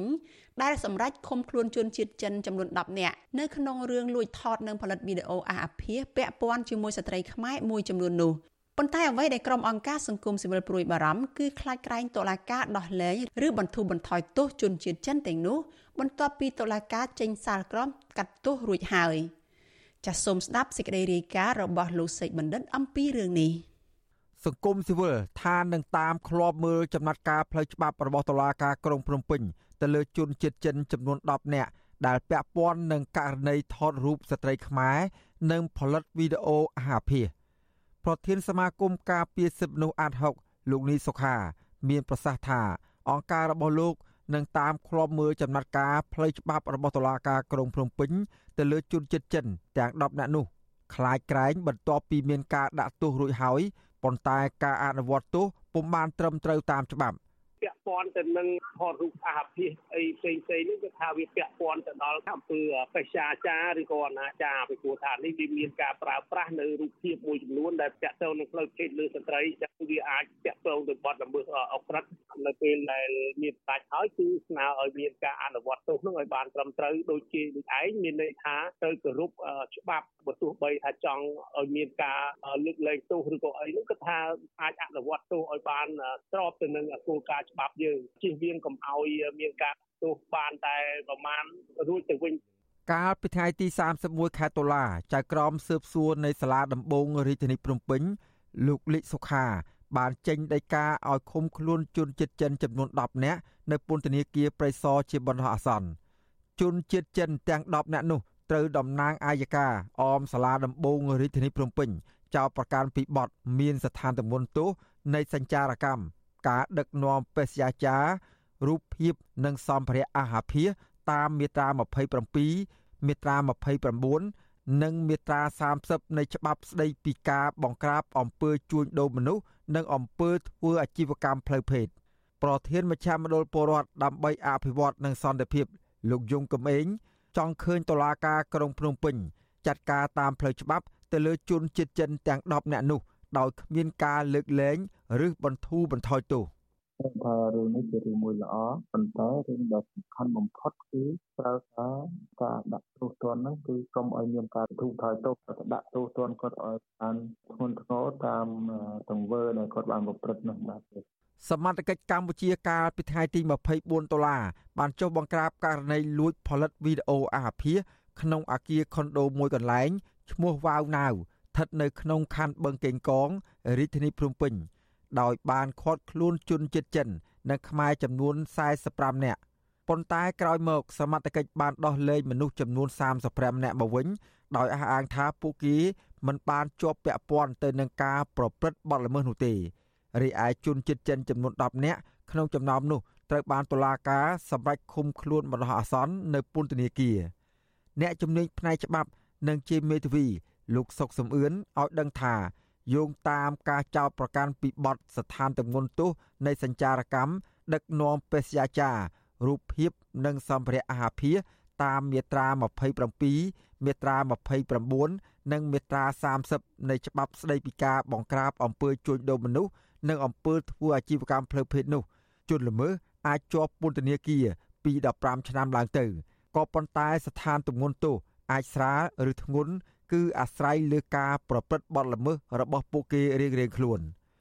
លោកមេធាវីសុកសំអឿនលើកឡើងទៀតថាកម្ពុជាមានច្បាប់សម្រាប់អនុវត្តនិងដាក់ទោសទណ្ឌទៅលើជនល្មើសហើយក៏ប៉ុន្តែអ្វីដែលលោកព្រួយបារម្ភគឺត្រង់ថាតើការអនុវត្តច្បាប់អាចធ្វើបានត្រឹមត្រូវឬក៏យ៉ាងណា។ ខ្ញុំរឿងច្បាប់យើងវាច្បាប់យើងមានហើយយើងមិនសំខាន់ទៅរឿងបតឹងបតឹងទេសំខាន់រឿងតើការអនុវត្តច្បាប់នោះវាបើមកឬអត់ហើយបើសិនជាហើយដូច្នេះបើសិនជាអញ្ចឹងមានតាមដានប៉ូលីសនឹងការពួកចិនចូលមកយើងធ្វើការតាមដានទីទៅក៏តែកន្លងមកយើងសង្កេតឃើញចិនចិនចិនចូលមកអាងអ្នកធំណាស់អីអឺតែអញ្ចឹងវាអាចមានបញ្ហាពិបាកសម្រាប់រដ្ឋមន្ត្រីអនុវត្តច្បាប់ដែរណា ចំណែកអ្នកវិភាគឯករាជ្យលោកបណ្ឌិតឡៅម៉ុងហៃមានប្រសាសន៍ថាលោកសូមលើកទឹកចិត្តដល់តុលាការកម្ពុជា ក្នុងការអនុវត្តច្បាប់ប្រឆាំងនឹងជនបរទេសដែលបានប្រព្រឹត្តខុសច្បាប់នៅកម្ពុជាក៏ប៉ុន្តែលោកចង់ឃើញការអនុវត្តច្បាប់នោះធ្វើឡើងឲ្យមានប្រសិទ្ធភាពនិងត្រឹមត្រូវ។ ជាការល្អហើយតែតុលាការសម្រាប់តែដាក់ទណ្ឌកម្មផ្សេងគឺអនុវត្តច្បាប់យើងគឺទៅលើជនជាតិណាក៏ដោយតែបានប្រព្រឹត្តបទល្មើសនៅក្នុងទឹកដីគាត់ប៉ុន្តែសូមឲ្យអាណាគុំតែប៉ុណ្ណឹងបាទគឺទាំងអស់ថាពាក់ព័ន្ធរឿងស្ត្រីភេទនេះគឺច្រើនតែទូធ្ងន់បាទជុំវិញរឿងនេះវិទ្យុអាស៊ីសេរី នៅពុំទាន់អាចសុំការឆ្លើយតបពីអ្នកនាំពាក្យសាលាដំបងរាជធានីភ្នំពេញលោកអ៊ីរិនបានទេ នៅថ្ងៃទី8ខែវិច្ឆិកា ករណីសមត្ថកិច្ចចុះបង្ក្រាបនិងឃាត់ខ្លួនមនុស្សចំនួន45នាក់កាលពីថ្ងៃទី24ខែតុលានោះគឺបន្ទាប់ពីស្ត្រីខ្មែរ2នាក់ដែលអះអាងថាជាជនរងគ្រោះក្នុងសកម្មភាពថតរឿងអាហារភាបានដាក់ពាក្យប្តឹងក្រោយពីពួកគេបានឃើញវីដេអូរឿងអាហារភារបស់ខ្លួនដែលថតជាមួយជនបរទេសទាំងនោះត្រូវបែកធ្លាយនៅលើបណ្ដាញសង្គម Facebook និងប្រព័ន្ធ Telegram ព្រមទាំងមានការចែកចាយតៗគ្នាផង។ ស្របពេលដែលរដ្ឋាភិបាលកម្ពុជា កំពុងមានទំនាក់ទំនងជិតស្និទ្ធជាមួយនឹងប្រទេសចិន លំហូរនៃជនបរទេសជាពិសេសជនជាតិចិនមកកម្ពុជាក៏មានកាន់តែច្រើនដែរក្នុងនោះរួមមានទាំងអ្នកវិនិយោគនិងជនជាតិចិនដែលបង្កបទល្មើសនិងនាំមកនៅបញ្ហាអសន្តិសុខដល់កម្ពុជាផងដែរបទល្មើសដែលជនជាតិចិន ប្រព្រឹត្តនៅកម្ពុជា មានដូចជា ការចាប់ជំរិតមនុស្សទារប្រាក់តាមប្រព័ន្ធអនឡាញការឆបោក ការប្លន់ប្រដាប់អាវុធការបាញ់បោះតាមទីសាធារណៈការជួញដូរគ្រឿងញៀនឃាតកម្មអំពើបេសកចាអំពើហិង្សា និងចុងក្រោយនេះ គឺការថតវីដេអូអាភាសជាដើមទង្វើរបស់ជនជាតិចិនមួយចំនួននេះកំពុងធ្វើឲ្យប៉ះពាល់ដល់កេរ្តិ៍ឈ្មោះនិងតម្លៃវប្បធម៌របស់កម្ពុជា ថែមទាំងជាឧបសគ្គរាំងស្ទះសម្រាប់កម្ពុជា ក្នុងការអូសទាញវិនិយោគិនបរទេសល្អៗ និងភ្ញៀវទេសចរផ្សេងទៀតមិនចង់ចូលមកវិនិយោគនិងទស្សនាកម្ពុជា ដោយសារតែពួកគេខ្លាចរអានឹងបញ្ហាអសន្តិសុខនៅកម្ពុជា ខ្ញុំបាទសេកបណ្ឌិតវិទ្យុអាស៊ីសេរីពីរដ្ឋធានីវ៉ាស៊ីនតោន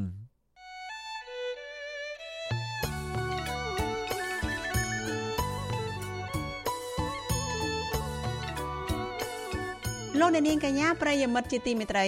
ដំណើរគ្នានឹងស្ដាប់ការផ្សាយផ្ទាល់របស់ Vithu Azizi សេរីតាមរយៈបណ្ដាញសង្គម Facebook YouTube និង Telegram ចាលោកនាងក៏អាចស្ដាប់ការផ្សាយរបស់យើងតាមរយៈ Vithu រលកធាតុអាកាសខ្លី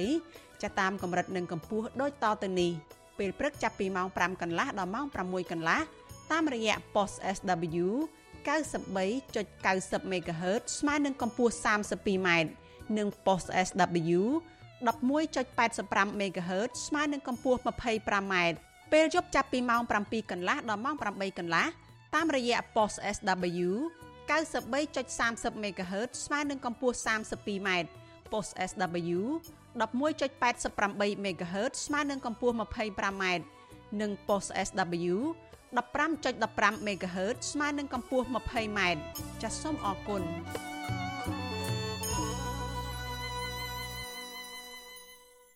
លោកនាងកញ្ញាជាទីមេត្រីយើងងាកមកព័ត៌មានតកតនឹងទំនាក់ទំនងកម្ពុជានិងវៀតណាមវិញម្ដងអ្នកខ្លំមើលលើកឡើងថាប្រទេសវៀតណាមកុម្មុយនីកំពុងព្យាយាមប្រកួតប្រជែងជាមួយនឹងប្រទេសចិនកុម្មុយនីដើម្បីពង្រឹងនិងពង្រីកឥទ្ធិពលរបស់ខ្លួនមកលើប្រទេសកម្ពុជាខណៈរដ្ឋាភិបាលកម្ពុជាកំពុងបង្កើនទំនាក់ទំនងស្អិតល្មួតជាមួយចិន អ្នកជំនាញភូមិសាស្ត្រនយោបាយថាវៀតណាមនៅតែចង់ពង្រឹងឥទ្ធិពលរបស់ខ្លួននៅកម្ពុជាដោយសារតែវៀតណាមតែងតែអះអាងពីគុណសម្បត្តិដែលខ្លួនបានជួយគណៈបកប្រជាជនកម្ពុជាចាលោកនៅវណ្ណរិន មានសេចក្តីរាយការណ៍មួយទៀតដាច់ដោយឡែកអំពីរឿងនេះក្រុមអ្នកតាមដានភូមិសាស្ត្រនយោបាយលើកឡើងថា ប្រទេសវៀតណាមនឹងមិនបោះបង់ការពង្រីកឥទ្ធិពលរបស់ខ្លួនមកលើកម្ពុជានោះឡើយបើទោះបីជារបបនយោបាយដឹកនាំប្រទេសរបស់រដ្ឋាភិបាលកម្ពុជាសពថ្ងៃកំពុងផ្អៀងទៅរកចិនក៏ដោយក្តីក្រុមអ្នកឃ្លាំមើលសង្កេតឃើញថាប្រទេសវៀតណាមនឹងបន្តឃ្លាំមើលពីទំនាក់ទំនងស្អិតរមួតរវាងកម្ពុជានិងចិនដើម្បីរៀបផែនការទប់ទល់នឹងឥទ្ធិពលរបស់ចិននៅកម្ពុជា ដែលអាចមានភាពអវិជ្ជមាន ឬបង្កការគំរាមកំហែងណាមួយដល់ប្រទេសវៀតណាមការលើកឡើងនេះស្របពេលដែលភាគីវៀតណាមបានស្នើឲ្យលោកនាយករដ្ឋមន្ត្រីហ៊ុនម៉ាណែតដែលទៅបំពេញទស្សនកិច្ចនៅក្នុងប្រទេសរបស់ខ្លួនដើម្បីពង្រីកនិងពង្រឹងកិច្ចសហប្រតិបត្តិការទ្វេភាគី ជាពិសេសនៅក្នុងក្របខ័ណ្ឌវិស័យការពារជាតិនិងសន្តិសុខឲ្យកាន់តែស៊ីជម្រៅបន្ថែមទៀតការស្នើរបស់ភាគីវៀតណាមបែបនេះ គឺធ្វើឡើងស្របពេលដែលកម្ពុជាកំពុងបង្កើនទំនាក់ទំនងដ៏ស្អិតរមួតជាមួយក្រុងប៉េកាំងកាន់តែស៊ីជម្រៅនិងក្រោយពេលដែលលោកហ៊ុនម៉ាណែត បានប្រកាសគាំទ្រពេញទំហឹងលើផែនការដាក់ចេញរបស់ប្រទេសចិន ជាពិសេសគម្រោងយុទ្ធសាស្ត្រខ្សែក្រវ៉ាត់និងផ្លូវ BRI អ្នកជំនាញផ្នែកភូមិសាស្ត្រនយោបាយលោកបណ្ឌិតរវណ្ណៈប្រាប់វិទ្យុអាស៊ីសេរីថារដ្ឋាភិបាលកម្ពុជា កំពុងប្រើយុទ្ធសាស្ត្រការការពារហានិភ័យ ដើម្បីជៀសវាងការរបូតអំណាចទៅកាន់គណៈបកដៃគូប្រកួតប្រជែងណាមួយ ដែលមានសក្តានុពលលោកពន្យល់ថាការដែលរដ្ឋាភិបាលប្រើយុទ្ធសាស្ត្រការការពារហានិភ័យនេះបើទោះជាអាចធ្វើឲ្យវៀតណាមអាក់អន់ចិត្តដែលខ្លួនធ្លាប់មានឥទ្ធិពលនៅកម្ពុជាកាលពីអតីតក្តីក៏រដ្ឋាភិបាលលោកហ៊ុនម៉ាណែតនៅតែបង្ហាញជំហរស្មោះស្ម័គ្រជាមួយប្រទេសវៀតណាមតាមរយៈវិស័យការទូតដើម្បីរក្សាទំនាក់ទំនងជាប្រពៃណីឲ្យកាន់តែល្អប្រសើរដដែល។ លោកសង្កត់ធ្ងន់ថាការបង្ហាញជំហររបស់កម្ពុជា លំអៀងទៅកាន់ចិនដោយងាកចេញពីប្រទេសវៀតណាមនេះវាជាគោលដៅសំខាន់សម្រាប់គណៈបកកណ្ដាលអំណាចដើម្បីស្វែងរកការគ្រប់គ្រងសេដ្ឋកិច្ចនិងនយោបាយការទូតពីប្រទេសចិន។ ប៉ុន្តែយ៉ាងណាក៏ដោយវៀតណាមនៅតែចិញ្ចឹមចិត្តចមានឥទ្ធិពលនៅលើកម្ពុជាចាំតែក្លំមើលកម្ពុជាការដែលកម្ពុជាងាកទៅរកចិនហ្នឹងអាចគម្រាមកំហែងទៅដល់សន្តិសុខនិងផលប្រយោជន៍របស់វៀតណាមក៏ប៉ុន្តែនោះយើងដឹងហើយថាវៀតណាមនឹងមិនតែអត់អោនប្រទេសណាក៏ដោយដែលអាចធ្វើប៉ះពាល់ដល់ផលប្រយោជន៍វៀតណាមហើយកម្ពុជាខ្លួនឯងក៏ដឹងពីផលលំបាកនៃការធ្វើតលយៈភាពជាមួយវៀតណាមទន្ទឹមនឹងគ្នានេះគឺត្រូវការសហការសេដ្ឋកិច្ចជាមួយចិននិងជាមួយប្រទេសដទៃទៀតធ្វើយ៉ាងណាដើម្បីកាត់បន្ថយឥទ្ធិពលរបស់វៀតណាមលើកម្ពុជាឲ្យបានជាអតិបរមាក្នុងជំនួបទ្វេភាគីនៅប្រទេសចិនអំឡុងពេលចិនរៀបចំវេទិកាខ្សែក្រវ៉ាត់និងផ្លូវកាលពីថ្ងៃទី18ខែតុលាប្រធានាធិបតីវៀតណាមលោកវ៉ូវ៉ាន់ធឿងអះអាងប្រាប់លោកនាយករដ្ឋមន្ត្រីហ៊ុនម៉ាណែតថាគោលនយោបាយរបស់វៀតណាមគឺនៅតែយកចិត្តទុកដាក់ចំពោះកម្ពុជា នឹងនៅតែបន្តទំនាក់ទំនងប្រពៃណីនិងការអនុវត្តកិច្ចសហប្រតិបត្តិការលើគ្រប់វិស័យជាមួយកម្ពុជាដដែលសារព័ត៌មានវៀតណាម Plus ឲ្យដឹងថាប្រធានាធិបតីវៀតណាមក៏បានស្នើឲ្យរដ្ឋាភិបាលលោកហ៊ុនម៉ាណែតផ្ដល់ភាពងាយស្រួលដល់ជនជាតិវៀតណាម ដែលកំពុងរស់នៅលើទឹកដីកម្ពុជា តាមរយៈការជួយឧបត្ថម្ភដោះស្រាយបញ្ហាឯកសារតាមផ្លូវច្បាប់ និងការផ្ដល់ទីជម្រកឲ្យជនជាតិវៀតណាមស្នាក់នៅឲ្យបានសមរម្យជាដើម។ ចំណែកលោកហ៊ុនម៉ាណែតបានឯកភាពកិច្ចសហប្រតិបត្តិការគ្រប់វិស័យដោយអះអាងថាដើម្បីជំរុញទំនាក់ទំនងទ្វេភាគីឲ្យកាន់តែប្រសើរឡើងភាគីវៀតណាមក៏ឲ្យដឹងថាខ្លួនក៏កំពុងតែរៀបចំទទួលលោកហ៊ុនម៉ាណែតដែលនឹងទៅបំពេញទស្សនកិច្ចនៅប្រទេសខ្លួននៅក្នុងពេលឆាប់ៗនេះដើម្បីរឹតចំណងការទូតនិងពង្រឹងកិច្ចសហប្រតិបត្តិការដែលគ្របដណ្ដប់លើវិស័យការពារសន្តិសុខទេសចរវិនិយោគវប្បធម៌ និងវិស័យអប់រំជាដើមសកម្មជនកិច្ចព្រមព្រៀងសន្តិភាពទីក្រុងប៉ារីលោកស្រុនស្រូនលើកឡើងថាប្រជាជនកម្ពុជាកាលពីអតីតកាលបានរងការឈឺចាប់ពីការកាប់សម្លាប់គ្នាឥតឈប់ឈរដោយសារតែអ្នកដឹកនាំអាងបរទេសធ្វើជាខ្នងបង្អែកនិងពុំបានប្រកាន់យកនយោបាយដឹកនាំប្រទេសដោយឯករាជ្យភាពនោះទេលោករំលឹកថាក្រោយកម្ពុជាទទួលបានឯករាជ្យពីបារាំងនៅក្នុងឆ្នាំ1953មក វៀតណាមបានលើកទ័ពចូលមកកម្ពុជាដោយយកលេសថាជួយបណ្ដេញបារាំងដែលនៅសេសសល់ចេញពីទឹកដីកម្ពុជា ចំណែករឿងវៀតណាមស្នើឲ្យកម្ពុជាយកចិត្តទុកដាក់ទៅលើជនជាតិខ្លួននៅលើទឹកដីកម្ពុជាវិញលោកស្រុនស្រនថានេះជាការយកចិត្តទុកដាក់របស់មេដឹកនាំវៀតណាមចំពោះប្រជាពលរដ្ឋពួកគេ ខណៈមេដឹកនាំកម្ពុជាវិញពុំធ្លាប់អើពើឬខ្វល់ខ្វាយពីសុខទុក្ខរបស់ប្រជាពលរដ្ឋខ្មែរក្រោមដែលរងការធ្វើទុកបុកម្នេញគ្រប់បែបយ៉ាងពីអាញាធរវៀតណាមនោះឡើយ។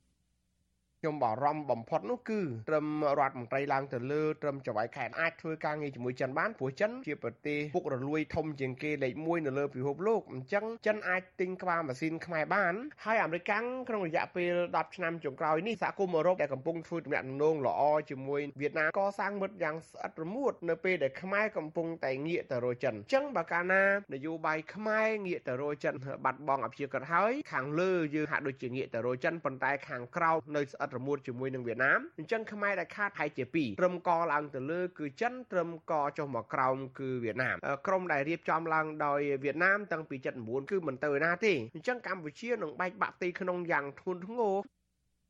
តេតិននឹងបញ្ហានេះអ្នកនាំពាក្យគណៈបកប្រជាជនកម្ពុជាលោកសុកអេសាន ប្រតិកម្មចំពោះអ្នកតាមដានស្ថានភាពដែលថាប្រទេសចិននិងវៀតណាមមានឥទ្ធិពលនិងកំពុងប្រកួតប្រជែងដណ្ដើមភូមិសាស្ត្រនយោបាយនៅកម្ពុជា លោកថាទំនាក់ទំនងកម្ពុជានិងវៀតណាមនៅក្រៅឆ្នាំ1979គឺភាគីទាំងពីរតែងមានកិច្ចសហប្រតិបត្តិការល្អនឹងគ្នា ជួយគ្នាទៅវិញទៅមកក្នុងនាមជាប្រទេសជិតខាងលោកបន្តថាបច្ចុប្បន្នកម្ពុជាបង្កើនទំនាក់ទំនងល្អជាមួយប្រទេសចិនដោយសារតែកម្ពុជានិងចិនជាដៃគូធ្វើជំនួញជាមួយគ្នា ការវាយតម្លៃថាវៀតណាមមានឥទ្ធិពលមកលើកម្ពុជាឬមួយក៏មានការនៃប្រកួតប្រជែងជាមួយប្រទេសចិនហើយយកកម្ពុជាធ្វើជាចេះចុះអីអានឹងខ្ញុំយល់ថាគាត់គឺការយល់ឃើញរបស់បុគ្គលទេហើយបុគ្គលនោះគឺថាមិនមែនផ្អែកទៅលើសភាពការពិតជាក់ស្ដែងទេយល់ទៅតាមខួរក្បាលគិតរបស់បុគ្គលនោះទៅប៉ុណ្ណោះទេកម្ពុជាយើងប្រកាន់នៅរបបអព្យាក្រឹតអចិន្ត្រៃយ៍មិនផ្អែកនិន្នាការនយោបាយមនោគមវិជ្ជាទៅប្រទេសណាមួយទេហើយយើងក៏អត់មានចូលដៃប្រទេសកទៅវាយប្រទេសខឬមួយចូលដៃប្រទេសខមកវាយប្រទេសកឲ្យអត់ទេលោកសុកអេសានបន្ថែមថាកម្ពុជាពុំបានអោបក្រសោបប្រទេសមហាអំណាចណាមួយដើម្បីគម្រាមប្រទេសណាមួយទៀតនោះឡើយលើសពីនេះលោកអះអាងថានយោបាយកម្ពុជា ប្រកាន់ជំហរអព្យាក្រឹតនិងមិនអនុញ្ញាតឲ្យប្រទេសណាមួយមានឥទ្ធិពលមកលើកម្ពុជានោះទេទោះជាយ៉ាងនេះក៏ដោយអ្នកអត្ថាធិប្បាយនយោបាយលោកកឹមសុខ មើលឃើញថាវៀតណាមមិនចង់ឲ្យមានវត្តមានចិនមានឥទ្ធិពលនៅកម្ពុជានោះឡើយខណៈការប្រកួតប្រជែងដណ្ដើមភូមិសាស្ត្រនយោបាយនិងបញ្ហានៅសមុទ្រចិនខាងត្បូងកាន់តែមានភាពតានតឹងឡើងលោកកឹមសុខបន្ថែមថារបបនយោបាយដឹកនាំរបស់កម្ពុជាសប្តាហ៍ថ្ងៃពុំមានជំរឿអ្វីក្រៅពីការពឹងផ្អែកទៅលើប្រទេសចិនកុម្មុយនីសនោះទេ ដែលលោកថាវាអាចជះឥទ្ធិពលអវិជ្ជមានមកដល់ជោគវាសនាកម្ពុជា ចិនពិតជាត្រូវការកម្ពុជា ជាពិសេសទីតាំងភូមិសាស្ត្រដើម្បីអុកវៀតណាមគឺអុកវៀតណាមទាំងសងខាងទាំងខាងពីភូមិសាស្ត្រនិងទាំងខាងពីភូមិសាស្ត្រនៃប្រទេសកម្ពុជាក៏ប៉ុន្តែបំណងរបស់វៀតណាមលើកម្ពុជាវិញកាន់តែអាក្រក់ជាងចិនទៅទៀតវៀតណាមចង់បញ្ជាមិនឲ្យចិនប្រើប្រាស់ភូមិសាស្ត្រកម្ពុជាដើម្បីអុកខ្លួននោះទេក៏ប៉ុន្តែកាន់តែសាហាវជាងនឹងទៅទៀតគឺវៀតណាមចង់ត្រួតត្រាកម្ពុជាដើម្បីអនុវត្តមហិច្ឆតាការលេបយកកម្ពុជាឬក៏បំបត្តិពូជសាសន៍ខ្មែរតែម្ដងប្រវត្តិសាស្ត្រអតីតកាលរបស់កម្ពុជាបានបង្ហាញថាការដែលកម្ពុជាគ្មានជំហរនយោបាយឯករាជ្យឬលំអៀងទៅប្លុកមហាអំណាចណាមួយនោះវានឹងនាំឲ្យកម្ពុជាកាន់តែបែកបាក់ឯកភាពជាតិនិងត្រូវប្រឈមការបាត់បង់អធិបតេយ្យភាពតាមរយៈការឈ្លានពានរបស់បរទេសការបែកបាក់ឯកភាពជាតិ បង្កឲ្យមានសង្គ្រាមស៊ីវិលរ៉ាំរ៉ៃចាប់ពីដើមទសវត្សរ៍ឆ្នាំ1970មករហូតដល់មានកិច្ចព្រមព្រៀងសន្តិភាពទីក្រុងប៉ារីនៅថ្ងៃទី23ខែតុលាឆ្នាំ1991ស្ដីពីការស្វះស្វែងរកដំណោះស្រាយរួមមួយនៅកម្ពុជាខ្លឹមសារសំខាន់មួយនៃកិច្ចព្រមព្រៀងសន្តិភាពទីក្រុងប៉ារីបានកំណត់ថាដើម្បីរក្សាអធិបតេយ្យភាពឯករាជ្យភាពបូរណភាព ប្រជាពលរដ្ឋខ្មែរជាអ្នកសម្រេចជោគវាសនាជាតិតាមការបោះឆ្នោតជ្រើសតាំងថ្នាក់ដឹកនាំបញ្ឈប់រាល់ការទទួលជំនួយផុសភៀផ្នែកយោធាពីបរទេសការឈប់បាញ់បញ្ឈប់ការដាក់ទ័ពបរទេសនៅលើទឹកដីខ្លួនលើសពីនេះទៀតកម្ពុជាត្រូវប្រកាន់ជំហរអព្យាក្រឹតពោលគឺមិនត្រូវរំអៀងទៅរកប្រទេសមហាអំណាចណាមួយនោះឡើយទោះជាយ៉ាងណាកម្ពុជាក្រោមការគ្រប់គ្រងរបស់គណៈបកប្រជាជនកម្ពុជាជិត40ឆ្នាំ ដែលដឹកនាំដោយលោកហ៊ុនសែននិងបន្តតំណែងទៅឲ្យកូនប្រុសច្បងគឺលោកហ៊ុនម៉ាណែតត្រូវបានសហគមន៍ជាតិនិងអន្តរជាតិមើលឃើញថាមិនបានផ្ដល់តម្លៃនិងអនុវត្តឲ្យបានពេញលេញតាមខ្លឹមសារនៃកិច្ចព្រមព្រៀងសន្តិភាពទីក្រុងប៉ារីនោះទេរដ្ឋាភិបាលកម្ពុជា រងការរិះគន់ថាផ្អៀងផ្នែកនយោបាយការបរទេសទៅរកប្រទេសចិនឯកសារយោធាសម្ងាត់របស់មន្ទីរបញ្ញកោណអាមេរិក ដែលត្រូវបានផ្សព្វផ្សាយដោយកាសែត The Washington Post កាលពីចុងខែមេសាកន្លងទៅ បង្ហាញថាផ្នែកមួយនៃកំពង់ផែកងទ័ពជើងទឹករៀមត្រូវបានកងទ័ពរំដោះប្រជាជនចិន កំណត់ទុកសម្រាប់ប្រើប្រាស់ធ្វើជាមូលដ្ឋានទ័ពនៃកងពលរបស់ខ្លួន និងជាផ្នែកមួយគ្រប់គ្រងភោភាយោធារបស់ចិននៅលើពិភពលោកឯកសារដដែលនេះបង្ហាញថាមូលដ្ឋានទ័ពចិននៅកំពង់ផែរៀមទំនងអាចផ្ទុកវត្តមានរបស់កងទ័ពចិន បានតិចជាងកំពង់ផែដែលចិនកំពុងសាងសង់នៅប្រទេសអេមីរ៉ាតអារ៉ាប់រួមបើតាមឯកសារដដែលនេះក្រោមគម្រោង141របស់កងទ័ពរំដោះប្រជាជនចិន បានដាក់ផែនការបង្កើតមូលដ្ឋានទ័ពរបស់ខ្លួន នៅក្រៅប្រទេសបានយ៉ាងហោចណាស់ចំនួន5 និងទីតាំងគាំទ្រដល់ការផ្គត់ផ្គង់ផុសភារចំនួន10កន្លែងគិតត្រឹមឆ្នាំ2030ដើម្បីសម្រេចនៅវត្ថុបំណងសន្តិសុខជាតិរបស់ក្រុងប៉េកាំងដែលរួមមានទាំងការការពារអត្ថប្រយោជន៍សេដ្ឋកិច្ចរបស់ខ្លួន នៅក្រៅប្រទេសខ្ញុំបាទនៅវណ្ណរិន with Chu Azizi Saray ពីរដ្ឋធានី Washington thank you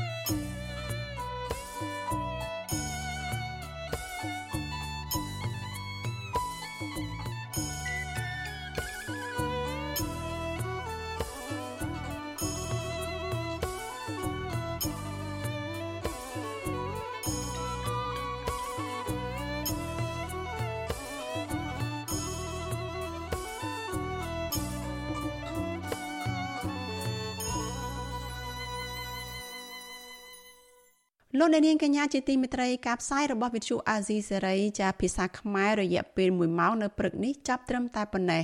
នាងខ្ញុំសុជីវីព្រមទាំងក្រុមការងារទាំងអស់នៃវិទ្យុអាស៊ីសេរីចាសសូមអរគុណដល់លោកអ្នកនាងដែលតែងតែតាមដានការផ្សាយរបស់យើងតាំងពីដើមរៀងមកជាខ្ញុំសូមជូនពរដល់លោកអ្នកនាងកញ្ញានិងក្រុមគ្រួសារទាំងអស់សូមប្រកបតែនឹងសេចក្តីសុខសុភមង្គលនិងសុខភាពល្អកុំបីឃ្លៀងឃ្លាតឡើយនាងខ្ញុំសូមអរគុណនិងសូមជម្រាបលា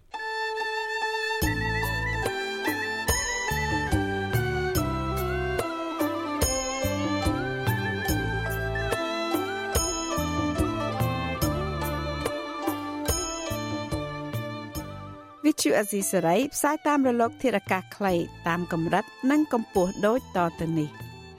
ពេលព្រឹកចាប់ពីម៉ោង5កន្លះដល់ម៉ោង6កន្លះតាមរយៈប៉ុស SW 93.90 MHz ស្មើនឹងកម្ពស់ 32m និងប៉ុស SW 11.85 MHz ស្មើនឹងកម្ពស់ 25m ពេលយប់ចាប់ពីម៉ោង7កន្លះដល់ម៉ោង8កន្លះតាមរយៈប៉ុស SW 93.30 MHz ស្មើនឹងកម្ពស់ 32m ប៉ុស SW 11.88 MHz ស្មើនឹងកម្ពស់ 25m និងប៉ុស SW 15.15 MHz ស្មើនឹងកម្ពស់ 20m លោកអ្នកនាងក៏អាចស្ដាប់និងទស្សនាការផ្សាយផ្ទាល់នៅលើគេហទំព័រ Visual Asia សេរីតាមរយៈអាសយដ្ឋាន rfa.org/ ខ្មែរក្រៅពីនេះលោកអ្នកនាងក៏អាចអាននិងទស្សនាព័ត៌មាន Visual Asia សេរីលើទូរស័ព្ទដៃរបស់លោកអ្នកនាងផ្ទាល់ សូមអញ្ជើញលោកអ្នកនាងដំឡើងកម្មវិធី Vithu Azizi សេរីនៅលើទូរស័ព្ទដៃរបស់លោកអ្នកនាងឬស្វែងរក Vithu Azizi សេរីនៅលើ YouTube ឬ Facebook ដោយស្វែងរកពាក្យថា Vithu Azizi សេរីឬ RFA ខ្មែរសូមលោកអ្នកនាងចុច like follow និងចុច subscribe ដើម្បីទទួលបានព័ត៌មានថ្មីៗតាមហេតុការណ៍និងទស្សនាវីដេអូផ្សេងៗទៀតបានគ្រប់ពេលវេលា យើងខ្ញុំសូមជូនពរដល់លោកអ្នកនាងព្រមទាំងក្រុមគ្រួសារទាំងអស់ឲ្យជួបប្រកបតែនឹងសេចក្តីសុខសេចក្តីចម្រើនរុងរឿងកុំបីឃ្លៀងឃ្លាតឡើយ។